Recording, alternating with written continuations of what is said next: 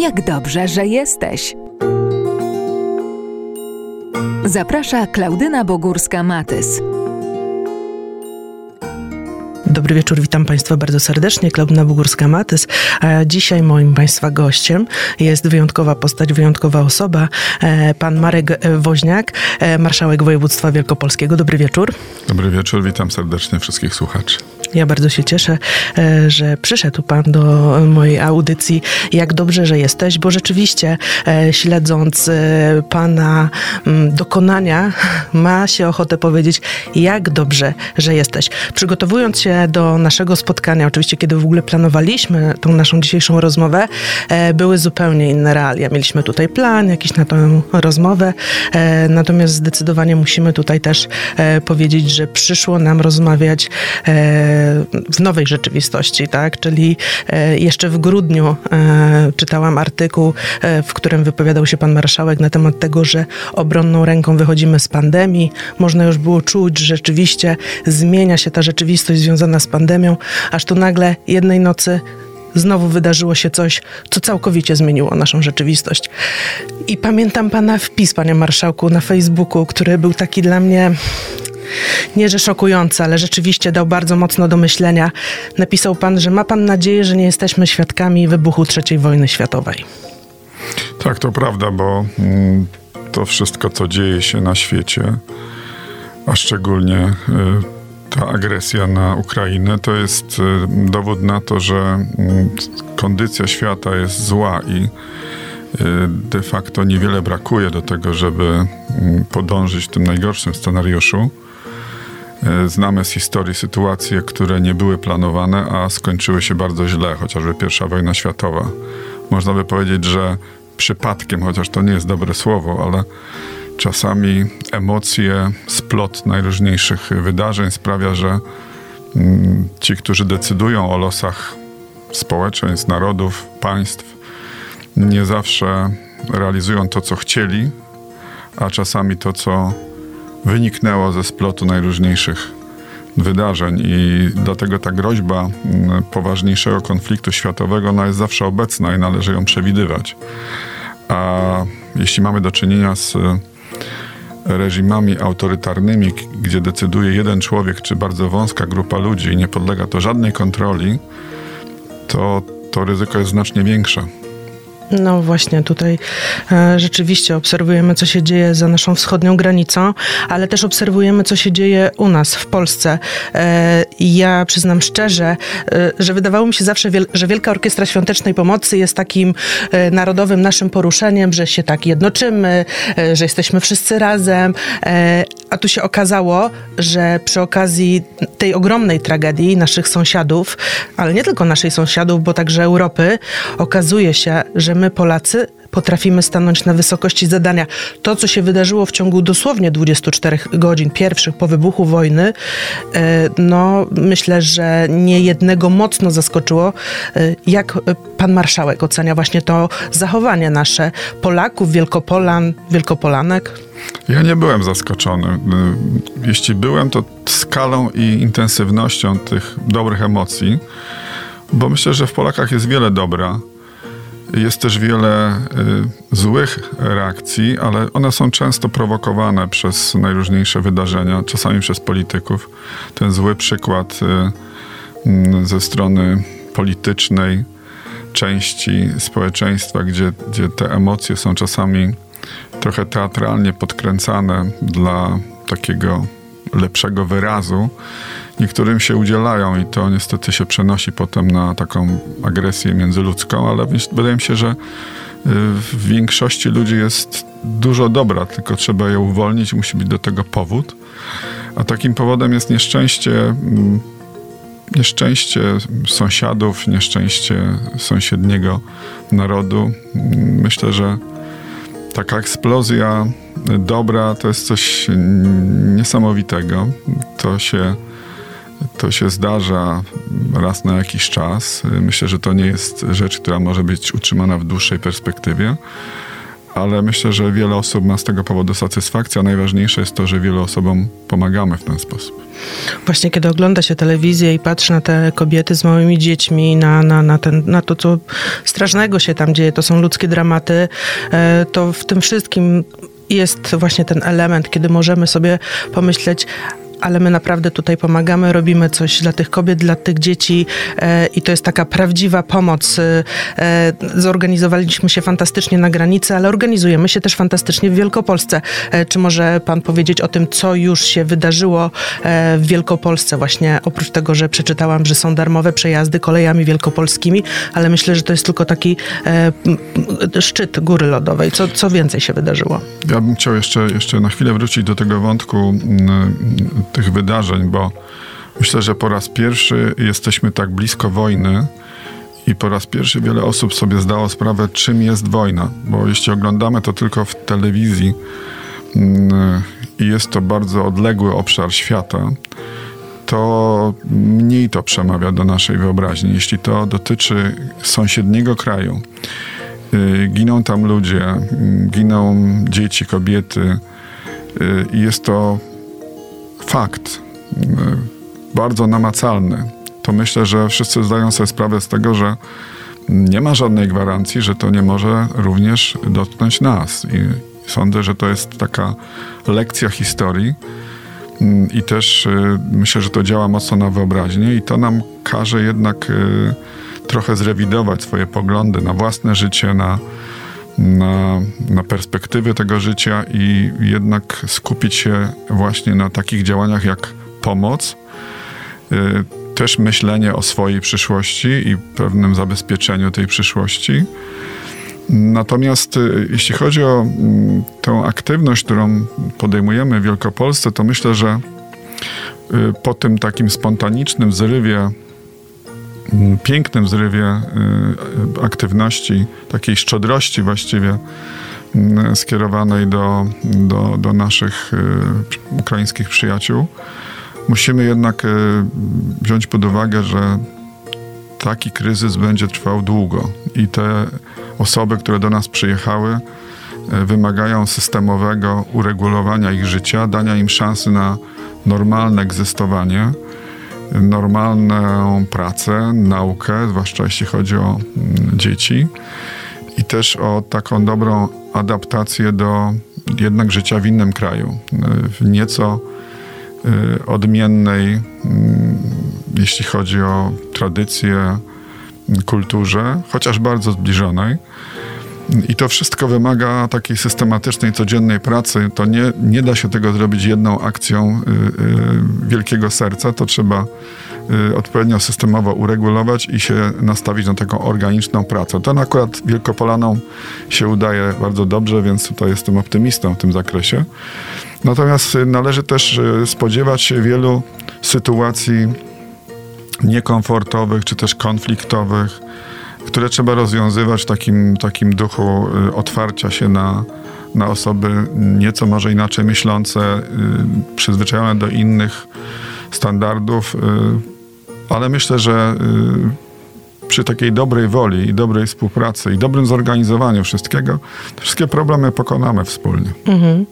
E, ja też tak myślę, chociaż rzeczywiście warto pamiętać o tym, że po, tym, e, po tej eksplozji, tej dobroci przyjdą te trudniejsze czasy. Oczywiście, że tak mówiliśmy o, o tym, że, że widzimy kobiety, że widzimy dzieci na granicy, które przekraczają, uciekają po prostu e, z terenów objętych wojną. E, ja chciałam jeszcze tylko zapytać, bo wiem, że pan tutaj e, jest historykiem, kocha historię. Mówimy tutaj o tym, że dawno nie widzieliśmy tak blisko wojny, blisko Polski, ale proszę powiedzieć, jak pan marszałek ocenia to, że tyle tych wiadomości mamy. Po prostu y, zarówno telewizja, media społecznościowe, jakieś fake newsy. Y, jednego dnia dostajemy komunikat, że coś się wydarzyło, za dwa dni się okazuje, że to jest nieprawda. Y, tak na jak, jak zmierzyć się właśnie z tym, że z jednej strony dobrze, że to tak szybko się rozprzestrzenia, ale z drugiej strony e, jak pan się sam też odnajduje w tych wszystkich informacjach, w tym natłoku tych informacji i, i, i, i weryfikowaniu tych informacji, które są prawdziwe, które nie są prawdziwe, no bo tego jest naprawdę, tego nie było wcześniej, prawda? No a w tej chwili każdego dnia słyszymy coś, widzimy coś, a za chwilę się okazuje, że to nieprawda, że jest zupełnie inaczej. To też jest takie nowe i trudne. Musimy mieć świadomość tego, że y, dostęp y, do informacji i też y, może co jest bardziej istotne, źródłem informacji może być każdy człowiek. Każdy człowiek może dzisiaj wpisać to, co uważa za słuszne, czy jego zdaniem ważne, i to zaczyna żyć już swoim życiem. Jest przekazywane z telefonu na telefon, może nie z ust do ust, chociaż z ust do ust też jeszcze czasami.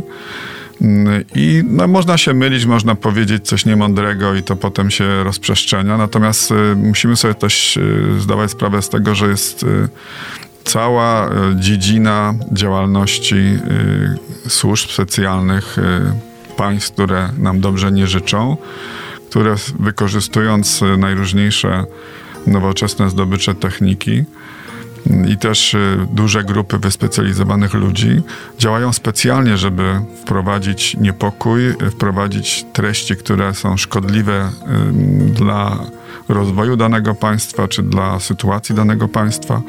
Bardzo łatwo jest tymi metodami wywołać panikę. A wywołanie paniki jest już y, dla naszych nieprzyjaciół jakimś sukcesem, bo powoduje destabilizację, niepokój, podejmowanie decyzji pod wpływem emocji. E, to bardzo łatwo zaobserwować. Wywołanie paniki na przykład e, pod hasłem zabraknie pieniędzy w bankach czy bankomatach i natychmiast mamy wszystkie bankomaty e, w, w szerokiej okolicy puste, dlatego że normalna praca tych urządzeń nie zakłada długo trwałych kolejek, które powodują wyczyszczenie tych magazynów niedużych w gruncie rzeczy, bo, bo, bo potrzebnych tylko doraźnie. Więc y, tego rodzaju akcje, specjalnie prowadzone akcje, wywołują określone skutki i to trzeba wiedzieć, trzeba mieć taką świadomość, dlatego jak otrzymuje się taką bulwersującą wiadomość, zawsze warto to sprawdzić jeszcze w drugim, trzecim źródle, żeby porównać, czy ona jest taka sama, czy ona jest rzeczywiście tak niepokojąca i czy to jest wiadomość prawdziwa. To jest takie dzisiaj y, abecadło każdego, myślę, kto chce y, być dobrze poinformowany, żeby jednak weryfikować i sprawdzać najlepiej w wiarygodnych źródłach.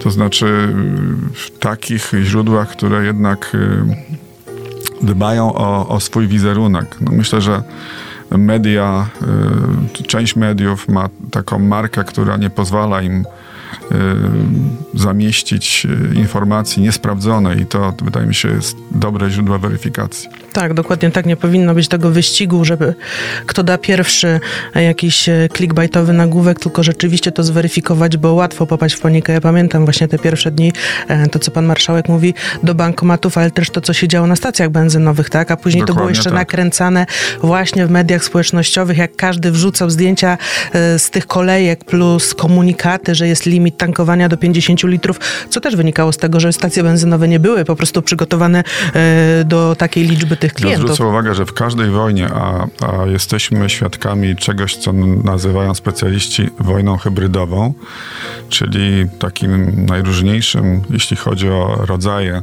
sposobem oddziaływania na przeciwnika.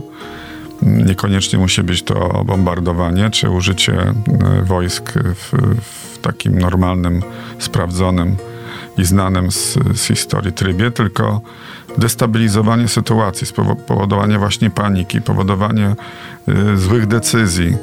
Y, I to, I to się dzieje po prostu z mniejszą lub większą intensywnością cały czas. I taką świadomość niestety musimy mieć. Y, świat taki pewnie będzie w najbliższym czasie. I musimy sobie poradzić z tym, żeby nie popaść właśnie w, w tarapaty wynikłe z czyjegoś dość wyrafinowanego, wyrafinowanego, bezwzględnego działania. Mhm, dokładnie tak. Dobrze, ja myślę, że my musimy po prostu obserwować e, to, co się dzieje. Musimy mądrze podchodzić do tego, skąd czerpiemy te informacje. Rzeczywiście zaufać tym e, mediom, które nie pędzą za tą sensacją, tylko starają się nam przekazywać e, najlepsze, najbardziej sprawdzone informacje. No ale właśnie to może prze, przejdźmy teraz do kolejnego tematu, chyba że jeszcze pan marszałek chciałby coś tutaj dopowiedzieć odnośnie konfliktu z, na Ukrainie, wojny na Ukrainie i działań Urzędu Marszałkowskiego z tym związanym. Znaczy ja myślę, że te wszystkie działania traktujemy jako coś, co, co jest niezbędne. Staramy się robić y, y, co w naszej mocy.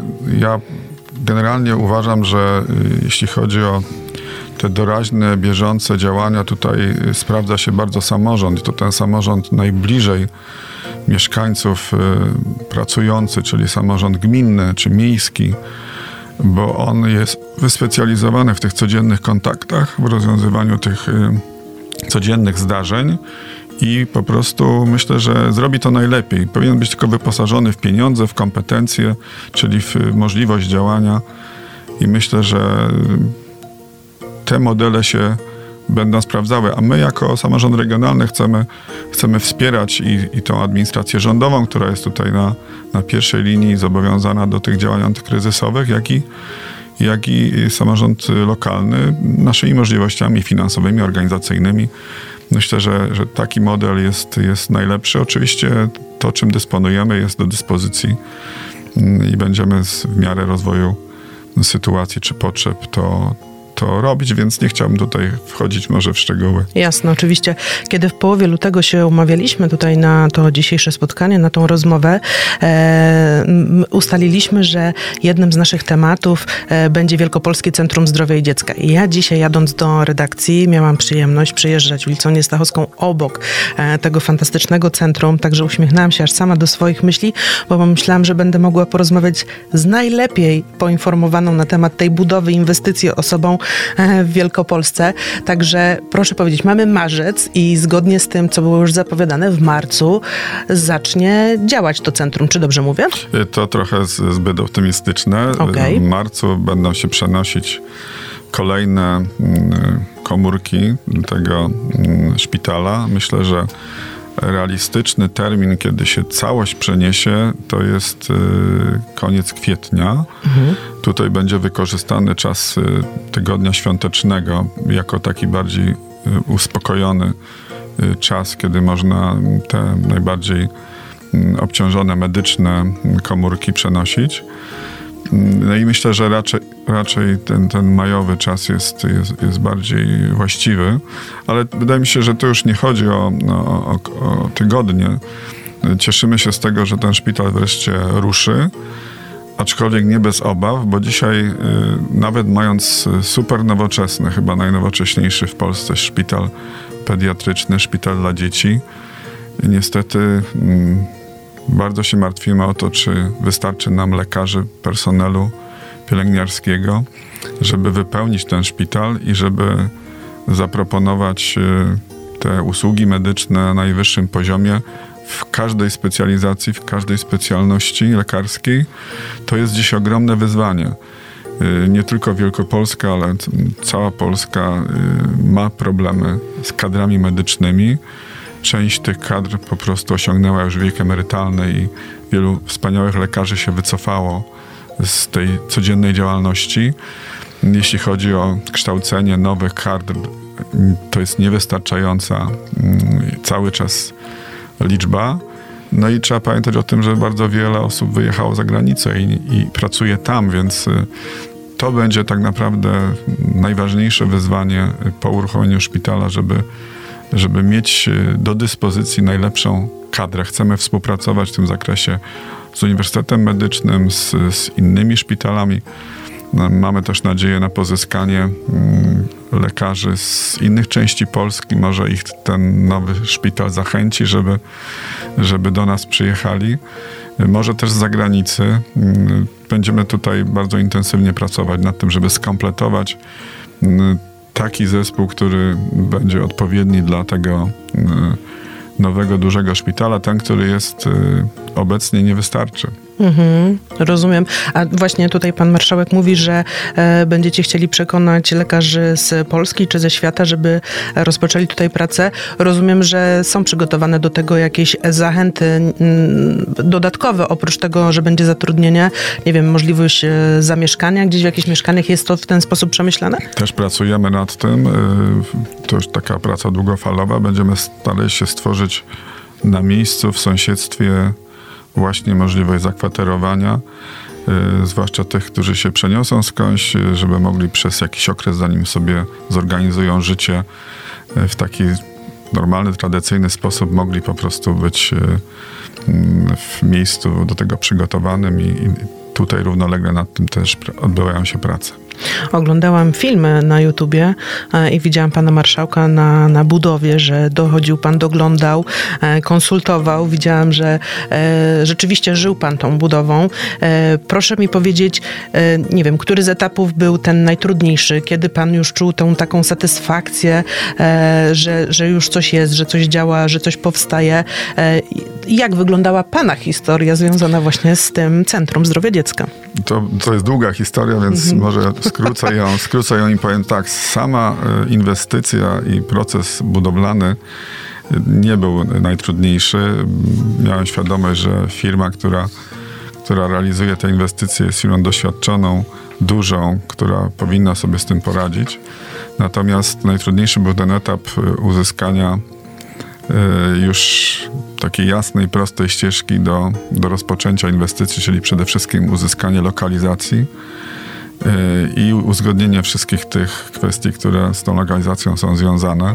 To trwało bardzo długo. Myśmy wcześniej mieli inną lokalizację y, w innym miejscu, okazała się nietrafiona, y, okazała się za mała. Trzeba było to wszystko zweryfikować, natomiast teren, na którym zbudowany jest szpital, był przedmiotem procesu sądowego przez ponad 10 lat i nie był e, wiadomy i pewny wynik tego procesu i dopiero jego zakończenie, które pozwoliło nam w wyniku życzliwości i wojewody wielkopolskiego pana Piotra Florka i prezydenta Poznania dokonać szybkiego transferu z majątku Skarbu Państwa do do naszych zasobów i dzięki temu uzyskaliśmy właściwe, najlepsze chyba w Poznaniu miejsce na lokalizację tego szpitala. W sąsiedztwie innych szpitali powstała dzięki temu taka dzielnica y, szpitalna i myślę, że to też daje szansę na to, że w razie jakichś sytuacji nadzwyczajnych, kryzysowych te szpitale będą mogły sobie pomóc, czy poprzez skorzystanie z, z kadry, czy z zasobów materialnych. Y, myślę, że to jest, to jest dobre rozwiązanie i też y, nie będzie trudności ze znalezieniem tego szpitala, bo, bo też to sąsiedztwo będzie, będzie dla wszystkich y, rozpoznawalne, wiadome. Myślę, że, że to jest tak naprawdę największy sukces i nie ukrywam, że to wymagało ode mnie ogromnej cierpliwości, też nieustępliwości w najróżniejszych podpowiedziach, żeby negocjować jednak jakiś kompromis w sprawie tego, tego terenu, żeby, żeby go mm, nie starać się na siłę y, uzyskać. Y, ta cierpliwość i nieustępliwość jednak okazała się tutaj kluczowa, bo, bo ten moment, kiedy uzyskaliśmy ostatecznie prawo do tego gruntu, to właściwie rozwiązał już największe, najpoważniejsze problemy. Mhm. Mm, ja widziałam na filmie, właśnie na tym, na którym pan e, z, oglądał, e, na jakim etapie są prace. E, widziałam tam oprócz tego, że są super nowoczesne medyczne sprzęty, Niektóre kojarzyłam, do czego są niektóre zupełnie nie. E, widziałam, że ten szpital w środku wygląda po prostu przepięknie. Jakieś dekoracje dla dzieci, dla młodzieży, jakieś wiszące wieloryby, e, piękne malunki na ścianach. To naprawdę wygląda fantastycznie. To robi wrażenie. Tak, to będzie piękny szpital. E, myślę, że bardzo komfortowy. E, ta część łóżkowa, gdzie mm, mali pacjenci przebywają, będzie, y, myślę, również komfortowa dla rodziców. Dzisiaj jest niestety tak, że w wielu szpitalach tych takich tradycyjnie skonstruowanych, kiedy nie przewidywano jeszcze, budując je, takiego zwyczaju pozostawania rodziców z dziećmi. Dzisiaj to stało się standardem, ale niestety mm, nie były do tego dostosowane pomieszczenia szpitalne i często rodzice spali na podłodze, na krzesłach, pod łóżkami. Dzisiaj tym szpitalu pokój dla chorego to jest łóżko dla dziecka i rozkładana kanapa dla rodziców, rodzica. Y, są też odrębne pomieszczenia poza pokojem, gdzie można skorzystać z, z możliwości odpoczynku, ale sam fakt, że w komfortowych warunkach może przebywać z dzieckiem, chorym dzieckiem rodzic, myślę, że to jest y, cywilizacyjny przełom. To oczywiście będzie nas kosztowało, bo jeśli spoglądam na przyszłość tego szpitala, to również na koszty, jakie będziemy ponosić to będzie kosztowało dużo więcej, ale wydaje mi się, że satysfakcja z tego, że rodzice będą myślę, zadowoleni z możliwości przebywania z dziećmi w takich y, ludzkich, komfortowych warunkach, to, to będzie y, niezwykle istotne dla samego procesu leczenia, bo wiemy, że dziecko w szpitalu to nie tylko pomoc lekarska, ale to też y, dobra atmosfera i, i, i, takie poczucie bezpieczeństwa. I rodzice bez wątpienia dają to poczucie bezpieczeństwa. Oczywiście, że tak. To jest na pewno ważny ten element e, leczenia, żeby ten rodzic był blisko. E, sama zresztą parę lat temu niestety byłem z córką w szpitalu i wiem doskonale, o czym pan marszałek tutaj mówi. Nie było tych warunków, też trzeba było gdzieś na karimacie obok łóżka e, leżeć, także na pewno to będzie... Ale dopowiem jeszcze, że mhm. oczywiście poza tymi salami gdzie dzieci mogą mieć z rodzicami. Będą też takie przestrzenie wspólne, y, bo tam będzie przecież i szkoła, i takie Właśnie. miejsca y, do zabawy, y, do takiego mm, oderwania trochę od tych czynności mm, medycznych i rzeczywiście wystrój tego szpitala i kolorystyka, ilość światła, to wszystko będzie powodowało, że, że ten pobyt będzie, myślę, znacznie przyjemniejszy niż, niż to zwykle bywa, chociaż myślę, że dla nikogo pobyt w szpitalu nie jest przyjemny. Tak, na pewno nie jest, ale e, takie warunki e, będą tutaj e, pomagały zmienić troszeczkę e, samo myślenie o chorobie. No właśnie, bo e, wspomniał Pan tutaj o szkole. Ja też chciałam zadać o to pytanie, bo przeczytałam, że będzie i przedszkole, i szkoła podstawowa, i liceum, i to wszystko będzie tam na miejscu. E, będzie też centrum dydaktyczne, ale to zupełnie dla studentów me medycyny, żeby oczywiście na bieżąco mogli obserwować, nie wiem, jakiś zabieg, operację, jak to przebiega ale skupmy się na tej szkole. Czyli jeszcze dodatkowo te dzieciaczki będą miały i młodzież, no bo też będzie liceum, będą miały zagwarantowane to, że jeśli długotrwałe będzie leczenie, nie będzie tej przerwy w edukacji. Tak, musimy to zakładać, że, że jeśli niestety mm, taki y, pacjent, y, mały pacjent będzie musiał przebywać dłużej w szpitalu, to nie można go pozbawić y, edukacji, która jest dla niego niezwykle istotna. Tak, taka długotrwała przerwa w edukacji byłaby dla niego szkodliwa, więc to wszystko y, należy uwzględnić i to, to będzie oczywiście funkcjonowało. Ja tutaj przeczytałam, że 354 łóżka, 9 e, oddziałów, e, kilkanaście poradni specjalistycznych, e, z których będą mogli korzystać mieszkańcy Poznania, Wielkopolski, z tych poradni.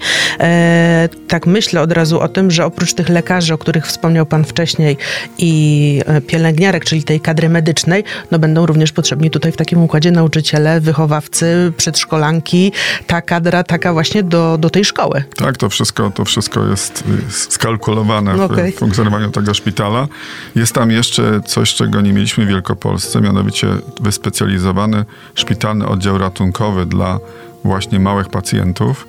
To jest ta najbardziej y, trudna część działalności szpitala, bo to są nagłe przypadki, często związane z y, jakimś wypadkiem, y, czy to komunikacyjnym, czy jakimś innym, gdzie, gdzie mamy do czynienia z sytuacją krytyczną, wymagającą szybkiej interwencji, odpowiedniej infrastruktury takiej mm, lekarskiej i, i też y, tego, żeby w sposób dogodny mm, przetransportować y, pacjenta z, czy ze śmigłowca, bo nieopodal jest lądowisko dla śmigłowców, czy z karetki. Mm, I ten oddział y, po raz pierwszy w, w takim pełnym wymiarze skierowanym do małych pacjentów będzie właśnie przy tym szpitalu. Więc tutaj też wydaje mi się, że to jest taki dobry przełom. Czasami na takim dorosłym sorze lekarze obawiają się udzielać pomocy małym pacjentom, bo, bo to wymaga jednak pewnej specjalizacji i, i, i umiejętności, które które mm, no, zdobywa się przez doświadczenie pracy z, z, małym pacjentem, więc stąd myślę, że to też jest bardzo istotny element. A liczę na to, że, że ta bliskość e, lądowiska i też e, myślę coraz częstsze wykorzystanie transportu lotniczego, e, który został całkiem niedawno w Polsce rozwinięty w oparciu o nowoczesne śmigłowce, które mogą latać w trudnych warunkach i również warunkach nocnych, to pozwoli na to, żeby z tą pomocą bardzo specjalistyczną dotrzeć do, do każdego małego pacjenta, któremu coś się zdarzy na terenie całej Wielkopolski, więc, więc w tym upatruję mm, możliwość jeszcze lepszej pomocy niż do tej pory. Mhm. Tak, ja kojarzę to miejsce, właśnie to lądowisko e, do helikopterów i chciałam o to pytać, czy to będzie wykorzystywane również tutaj z racji bliskości, ale już pan marszałek zdążył powiedzieć, że jak najbardziej. Rzeczywiście tutaj ten czas jest e, szalenie ważny, także... To było też jednym z powodów e, decyzji o tej lokalizacji, żeby wykorzystywać istniejące lotnisko dla śmigłowców. E, ono nie może być w każdym miejscu miasta. Jest szereg różnych przeszkód, e, chociażby wysokie budynki, mhm. a tam już ono ma wszystkie te parametry, więc postawienie szpitala, który będzie również z niego korzystał w sąsiedztwie, po prostu rozwiązuje ten problem mhm. w sposób właściwy. Świetnie. E, w trakcie tych wypowiedzi mówił e, pan marszałek o tym, że współpracował z prezydentem Poznania właśnie, aby znaleźć tą odpowiednią lokalizację pod szpital, ale właśnie takiej współpracy z prezydentem miasta Poznania jest dużo więcej. E, przed rozmową rozmawialiśmy o tym, że mnóstwo się dzieje w życiu zawodowym pana marszałka, co śledzimy w mediach społecznościowych. Zażartował pan, że i tak nie wszystko tam widać, ale właśnie chciałam porozmawiać o kolejnej fantastycznej współpracy współpracę z prezydentem e, Poznania, e, czyli o Muzeum Powstania Wielkopolskiego, bo przecież 28 lutego zapadła e, ta ważna, znaczy decyzja, już wcześniej była podjęta, natomiast zostało to jednogłośnie przyjęte na Sejmiku. To rzeczywiście też jest pewien przełom w, w kwestii mm, budowy Muzeum Powstania Wielkopolskiego, na której zależy wielu Wielkopolanom nastąpiła taka sytuacja nieco kryzysowa, jeśli chodzi o finansowanie tej inwestycji, ponieważ e, w międzyczasie, e, kiedy tworzone były plany budowy i też e, tworzona dokumentacja, zmieniła się bardzo poważnie sytuacja finansowa miasta. W wyniku zmian podatkowych miasto straciło jednak sporo ze swoich dochodów i zdaniem władz miasta, pana prezydenta, Y, miasta nie było stać na mm, wcześniej deklarowaną kwotę współudziału w budowie tego obiektu. Mm, I mm, no, nastąpiła taka dość y, patowa sytuacja, kiedy z jednej strony minister kultury i dziedzictwa narodowego zadeklarował najpierw 50, potem 60% y, partycypacji w tej inwestycji, natomiast miasto Y, miało poważne obawy, czy będzie je stać na brakujące 40%, właśnie w wyniku utraty tych dochodów, o których mówię. No i nie ukrywam, że w tej sytuacji postanowiłem zaproponować y, panu prezydentowi i władzom miasta, żeby mm, dokonać takiej zamiany, która moim zdaniem będzie bardziej przystawała do, do naszych y, oczekiwań i też do, do, do naszych możliwości. Mianowicie, żebyśmy się zamienili instytucjami, które nadzoruje samorząd województwa i, i y, miasto Poznań, w taki sposób, żeby uczynić y, po tej zamianie bardziej przystające te zadania nasze do, do, do, do zainteresowań, do możliwości. I, I stąd propozycja, żeby dwa Muzea Poznańskie, Muzeum Niepodległości, które ma właśnie budować Muzeum Powstania Wielkopolskiego i Muzeum Archeologiczne, przejął samorząd województwa, a Filharmonię, którą my nadzorujemy od wielu lat, przejął samorząd miasta. To będzie taka wymiana uczciwa, sprawiedliwa, y, mniej więcej koszty utrzymywania bieżącego plus koszty inwestycyjne, które będą się z tym wiązały, będą takie same po obu stronach, natomiast zdecydowanie to mm, pozwoli nam przyspieszyć budowę Muzeum Powstania Wielkopolskiego i mam też nadzieję, że to, że samorząd województwa zajmie się tą budową, pozwoli łatwiej mm, wywołać taki powszechny wielkopolski ruch samorządowy na początek, żebyśmy mm, wszyscy razem się złożyli w formie takich cegiełek symbolicznych ale konkretnych finansowo na ostateczne sfinalizowanie tej, tej inwestycji, przy czym y, zakładam, że samorząd województwa wyłoży tę kwotę, no ale będziemy oczekiwać oczywiście takiego solidarnego wsparcia, y, żebyśmy ten kredyt, który weźmiemy,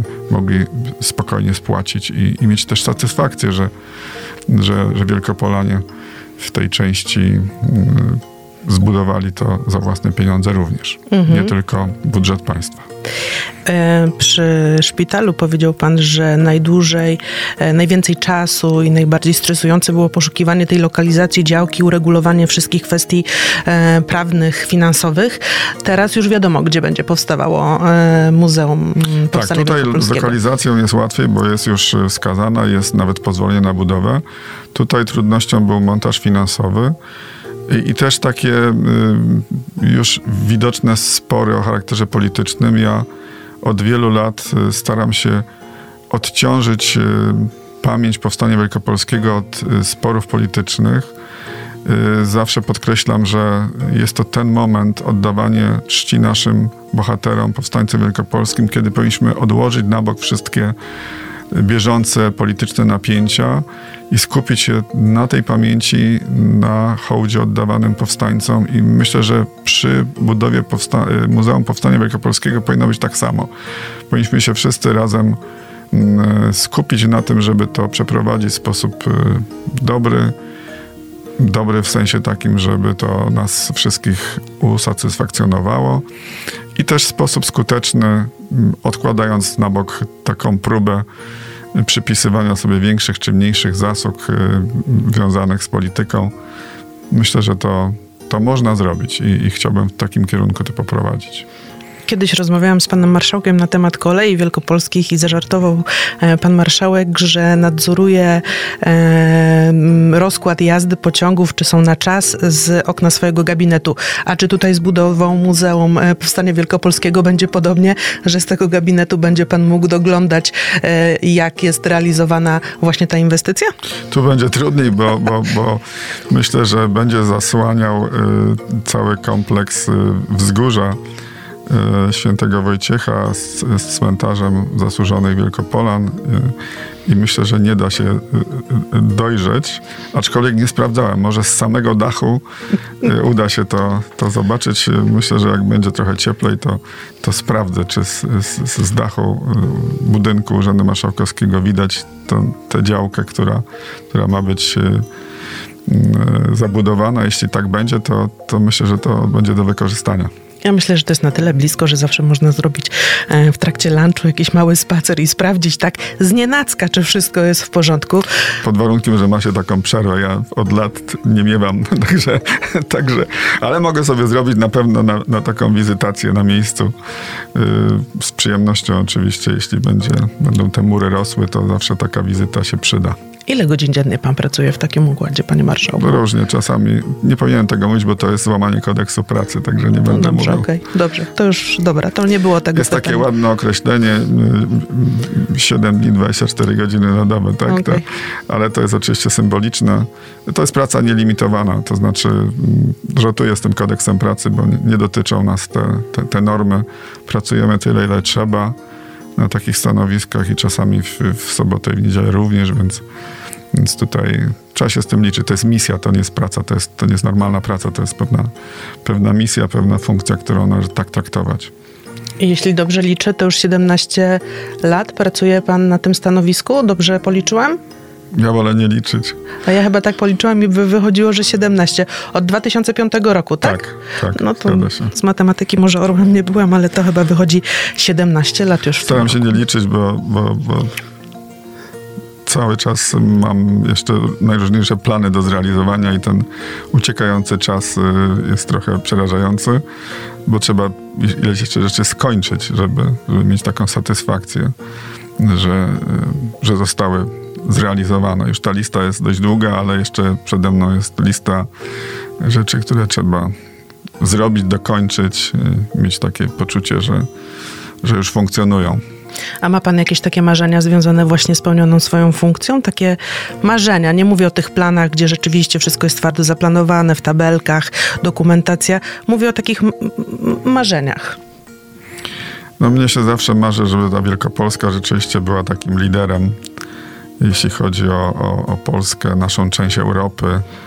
Yy, ona jest, y, ona jest w gronie liderów, natomiast yy, tutaj jakaś obawa istnieje, że to się może w którymś momencie zmienić, że, to, że ten taki wzrost, który jest widoczny od lat, cały czas tendencją w górę, w górę, w górę, że, że, żeby to się nie, nie, nie zachwiało w wyniku najróżniejszych uwarunkowań.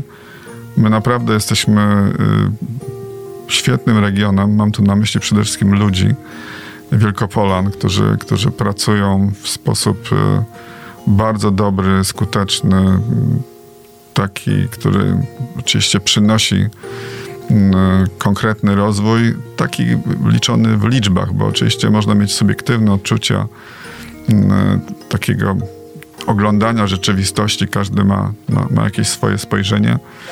Mm, może nam się podobać y, w innym regionie, we Wrocławiu, w Krakowie, w Gdańsku. Oczywiście też lubię oglądać y, to, co się sąsiadom udaje. Natomiast te twarde wskaźniki ekonomiczne, one potwierdzają, że my się rozwijamy bardzo szybko. Najszybciej w Polsce obok metropolii warszawskiej i Dolnego Śląska, więc jesteśmy na, na pudle, jak mówią sportowcy. Mhm. I, to, I to cały czas jest aktualne i to jest zasługa wszystkich Wielkopolan. I, i naprawdę jest to, jest to miłe, że, że w jakiś sposób uczestniczy się w tym bezpośrednio. Czasami ma się wpływ na te strategiczne decyzje i realizacje i, i, i to jest taka, taka satysfakcja. Więc tym marzeniem jest dobry rozwój Wielkopolski. Na szczęście, tak jak już tutaj w trakcie rozmowy pan marszałek to wspomniał, my tą, to, to że jesteśmy organicznikami, mamy we krwi, mamy, mamy to w genach e, z pokolenia na pokolenie. Nie traćmy tak, tego. Właśnie, nie traćmy tego, więc idźmy w tym dobrym kierunku. E, panie marszałku, nasza audycja powolutku e, dobiega końca. Dzisiaj jest 8 marca. Poruszyliśmy mnóstwo tematów, tych takich trudnych i tych trochę bardziej optymistycznych. Czy chciałby pan coś powiedzieć, no, nie mówię to tylko o paniach, ale w ogóle do naszych słuchaczek, słuchaczy? No, dzisiaj jest taki dzień, że, że przede wszystkim do pań chciałem powiedzieć kilka słów, chociaż muszę przyznać, że ja nie jestem jakimś wielkim entuzjastą święta 8 marca, bo, ale powiem dlaczego. Dlatego, że ja uważam, że dedykowanie jednego dnia w roku kobietom, to jest y, skąpstwo, bo, bo, wydaje mi się, że, że zasługują na więcej niż jeden dzień w roku. Natomiast ja, ja ogromnym szacunkiem darzę kobiety, ich wysiłek, y, żeby czasami trzymać nasze życie w ryzach i, i, i w takim dobrym dobrym kształcie. Wiele kobiet, większość kobiet, można powiedzieć, śmiało zupełnie pracuje więcej niż powinno, no czasami na dwóch etatach i tym poza domem i w domu. I, i nie zawsze się o tym pamięta. Natomiast ja mam właśnie z tego powodu ogromny szacunek y, do, do, do wszystkich pań też z tego powodu, że rzeczywiście są niezwykle ambitne, ostatnio coraz lepiej wykształcone y, bardzo innowacyjne, podążające za wszystkimi nowoczesnymi trendami na świecie i całkiem poważnie ich pozycja w, w, w społeczeństwie rośnie y, kosztem panów. Jeśli panowie się nie wezmą y, w, do pracy, to, to, to za chwilę mogą te pozycje którą mają stracić i, i, i, i pozazdrościć paniom y, awansów i, i zajmowania istotnych y, społecznie miejsc. Natomiast y, jeśli chodzi o życzenia, to, to chciałbym w tych czasach życzyć przede wszystkim poczucia bezpieczeństwa. Myślę, że dla każdej kobiety poczucie bezpieczeństwa własnego, jej rodziny, zwłaszcza dzieci i też pewnej bezpiecznej przyszłości jest kluczowa. Myślę, że wiele dzisiaj zadaje sobie pytanie, czy, czy jesteśmy bezpieczni, czy, czy moje życie, moja rodzina jest bezpieczna, więc tego poczucia bezpieczeństwa chciałbym życzyć nie tylko z powodów oczywiście wojennych, ale, ale też z powodu mm, i rosnących kosztów życia i, i energii, i też y, niepewności z tym związanej. Więc y, przede wszystkim tego poczucia bezpieczeństwa, y, satysfakcji z tego, co na co dzień Panie robicie i, i, i dużo miłości ze strony najbliższych pięknie. Nie pozostaje mi nic innego, jak tylko powiedzieć, jak dobrze, że jesteś, bo taki jest e, tytuł tej audycji. Bardzo panu dziękuję e, za spotkanie, za rozmowę, za te piękne życzenia, bo też je wzięłam e, sobie do serca. Moim i państwa gościem był marszałek województwa wielkopolskiego, pan Marek Woźniak. Dziękuję. Bardzo dziękuję za rozmowę. Do usłyszenia. Dobranoc. Jak dobrze, że jesteś.